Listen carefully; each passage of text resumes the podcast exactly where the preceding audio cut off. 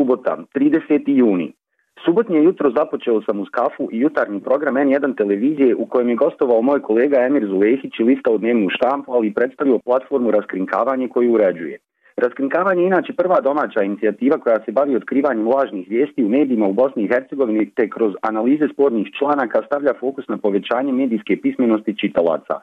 Ovih dana, kako kaže Emir, putem Facebooka plasirana je i lažna nagradna igra jednog domaćeg tržnog centra sa ciljem krađe ličnih i bankovnih podataka. Kao i on, ja mogu samo reći da ne dajte vaše podatke nepoznatim ljudima putem interneta. Još uvijek se govori o pucnjavi u SAD-u u zgradi redakcije lokalnog lista Capital Gazette u Anapolisu u glavnom gradu Marylanda. Čini mi se da ovo postaje uobičajena pojava u Sjedinjenim državama. Nisam siguran da li će i ovaj događaj nagnati odgovorni u ovoj zemlji da razmisli o postojećim zakonima koji regulišu posjedovanje oružja. Kao i mnogi, tako i ja ovih dana pratim svjetsko futbalsko prvenstvo u Rusiji. Danas su ispali Portugal i Argentina. Zasluženo. To što do kraja prvenstva više nećemo gledati Mesija i Ronalda i nije neka šteta jer nisu mnogo ni pokazali. Nedjelja 1. juli. Opet kiša. Danima pada. Muzika je tu da koliko toliko popravi atmosferu. Slušam pjesmu koju mi je preporučio prijatelj Kamasi Washington, Street Fighter Mass, instrumentalni može se reći trip hop down beat sa zaraznim semplom glasa. Današnje sivilo začinit ću sa dvije epizode druge sezone serije Handmaid's Tale, čija atmosfera upravo odgovara ovom danu. Inače, serija je prikaz alternativne istorije u kojoj današnja Amerika nakon neke vrste državnog udara postaje Gilead, strogo kontrolisano militarističko društvo bez ikakvih ljudskih prava. Da ne otkrivam previše, pogledajte jedna je od boljih serija posljednjih godina. Veoma inteligentna, sa jasnim aluzijama na neke aktualne probleme današnjeg svijeta. Nešto što svakodnevno radim je i šetnja sa mojim psom Benijem. Večera smo šetali do parka Betanije u blizini Sarajevskog porodilišta Jezero i stadiona Koševo. Ovaj park je kroz nekoliko godina nakon što je drveće naraslo postao jako lijep. Na svjetskom prvenstvu u četvrt finale prošla je i Hrvatska. Mogu samo reći bravo komšije, navijam i dalje. Ponedjeljak 2. juli. Danas je sa Sarajevske željezničke stanice nakon 27 godina krenuo voz za Bihać i to talgo. Uvođenje neke željezničke linije i nije neka vijest, ali u bosansko-hercegovačkim uslovima jeste i tekako. Čak je toliko zanimljivo da su građani Bihaće dočekali voz i slikali se pored talgo garnitura. Inače, to se obećava posljednjih deset godina, a obećanje je konačno ispunjeno nakon što su aktivnosti na remontu unske pruge započele krajem prošle godine. Na istinom mjeru smo se pozitivno osvrnuli na ovaj događaj. Proteklog vikenda obilježena je 76. godišnjica bitke na Kozari, a zvijezda obilježavanja bio je ministar industrije, energetike i rudarstva Republike Srpske Petar Đokić, koji je rekao citiram, da je došao tu da oda počast svima onima koji su dali svoje živote u borbi za slobodu i svima onima koji su se borili protiv antifašizma. Lapsusi domaćih zvaničnika prilikom obilježavanja značajnih datuma narodno-oslobodilačke borbe u Bosni i Hercegovini se više gotovo i ne mogu smatrati slučajnostima s obzirom na njihovu učestalost.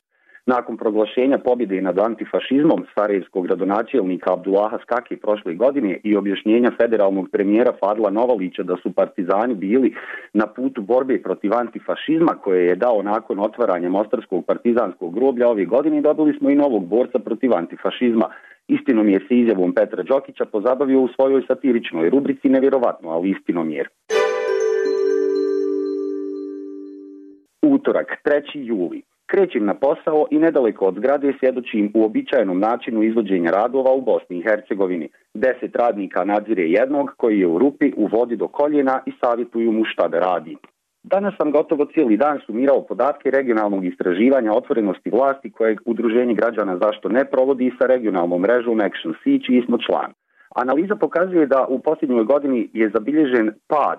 Institucije izvršne i zakonodavne vlasti ostvaruju jako lošu komunikaciju sa građanima, budžetska transparentnost kao i transparentnost javnih nabavki svakako nisu na zadovoljavajućem nivou. Na mnoge upitnike koje smo poslali institucijama nismo dobili odgovor i to je uveliko uticalo na rezultat istraživanja te je u samom startu pokazalo koliko su najviše zakonodavne i izvršne institucije spremne na saradnju sa građanima i civilnim društvom prema njima u Europsku uniju, samo što nismo ušli. Mislim da to neće ići tako lako. Dao sam izjavu za jednu televiziju u sklopu javnog servisa. Novinari interesuje povećanje plata u Republici Srpskoj i to u javnom sektoru. Da li je to predizborni trik, pitaju. Jeste, odgovaram. Kako drugačije tumačiti povećanje plata u javnom sektoru i to tri mjeseca prije izbora? Srijeda, 4. juli. Na putu prema poslu primijetio sam da više nema imigranata na kolosijecima željezničke stanice. Inače, svih ovih dana na tom mjestu je konstantno boravilo više desetina ljudi i tu su bili svaki dan. Danas ih nema, sve je očišćeno, samo poneki trag je ostao.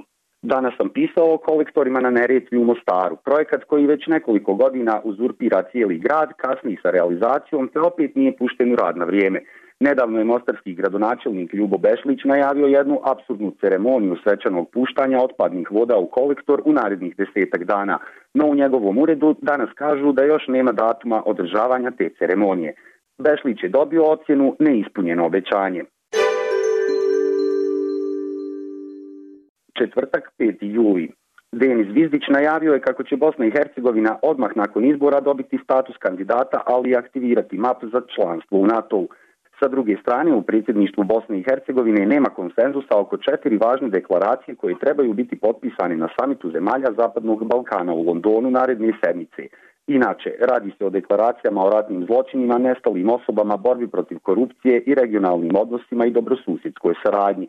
Po ko zna koji put svjedočimo totalnom raskoraku između riječi i dijela domaćih aktera kako bih provjerio neke izjave premijerke Republike Srpske Željke Cvijanovića koje se tiču porasta zaposlenosti, kontaktiram Republički zavod za statistiku i saznajem da oni uopšte ne vode mjesečnu evidenciju o zaposlenim osobama u ovom entitetu. Objavljuju ih na polugodišnjoj i godišnjoj bazi. Podaci za mart će biti objavljeni, kako kažu, u narednih deset dana. Inače u Bosni i Hercegovini tačni pouzdani podaci o broju zaposlenih gotovo da i ne postoje. Podaci koji se mogu naći razlikuju se jedni od drugih i niko nije siguran koji pokazuju stvarno stanje. Stoga političari u Bosni i Hercegovini praktično mogu izjavljivati bilo šta na ovu temu. Iako su još sredinom prošle godine iz SNSD-a najavili da neće učestvovati u radu parlamentarnih komisija, Dušanka Majkić, zastupnica ove stranke, vratila se i prisustvovala na sjednici Komisije za vanjsku politiku. Naravno, razlog povratka je novac, jer su se na dnevnom redu sjednice komisije našli brojni ugovori za više milijonske zajmove za infrastrukturne projekte. Petak 6. juli. Pripremam saopštenje u vezi rezultatima regionalnog istraživanja otvorenosti vlasti koje bismo trebali poslati danas. Pitanje je kako toliko mnogo negativnih rezultata staviti na tako malo prostora.